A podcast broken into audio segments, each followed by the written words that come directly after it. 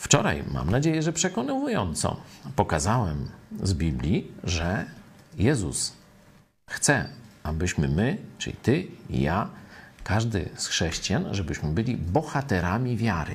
Tak jak ci opisani w liście do Hebrajczyków w 11 rozdziale. Bo podsumowanie jest właśnie o nas, czyli o mnie i o tobie. A dzisiaj chciałem powiedzieć, co może przeszkodzić, co może stanąć na przeszkodzie, byśmy ty czy ja nie zostali bohaterami wiary. O tym mówi zaraz następny werset.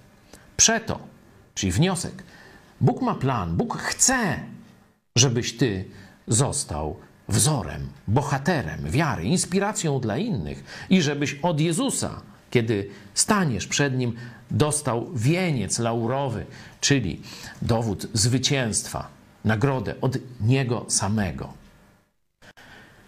Ale żeby to osiągnąć, Bóg mówi: Przeto i my, przeto i ty, przeto ja, mając około siebie tak wielki obłok świadków, czyli tych bohaterów wiary, którzy już dokończyli w wierności Jezusowi żywota. I tu jest do nas nakaz. Złożywszy z siebie wszelki ciężar i grzech, który nas usidla, biegnijmy wytrwale w wyścigu, który jest przed nami.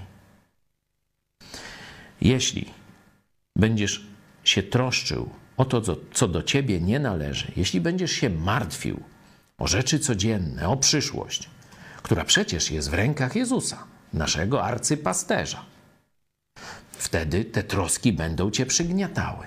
Dalej, jeśli nie oczyścisz swojego życia mocą Ducha Świętego ze wszelkich przejawów cielesnego uzależnienia, ze wszelkich grzechów, będziesz miał jak kulę u nogi, będziesz szedł do przodu, ale jak niewolnik, powoli, noga za nogą. A Bóg nakazuje, byśmy biegli w wyścigu, wytrwale.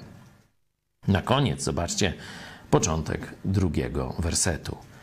Patrząc na Jezusa, sprawcę i dokończyciela wiary. Jezus jest z nami. Jezus nie zostawia nas samych. Jezus kibicuje Tobie i mnie.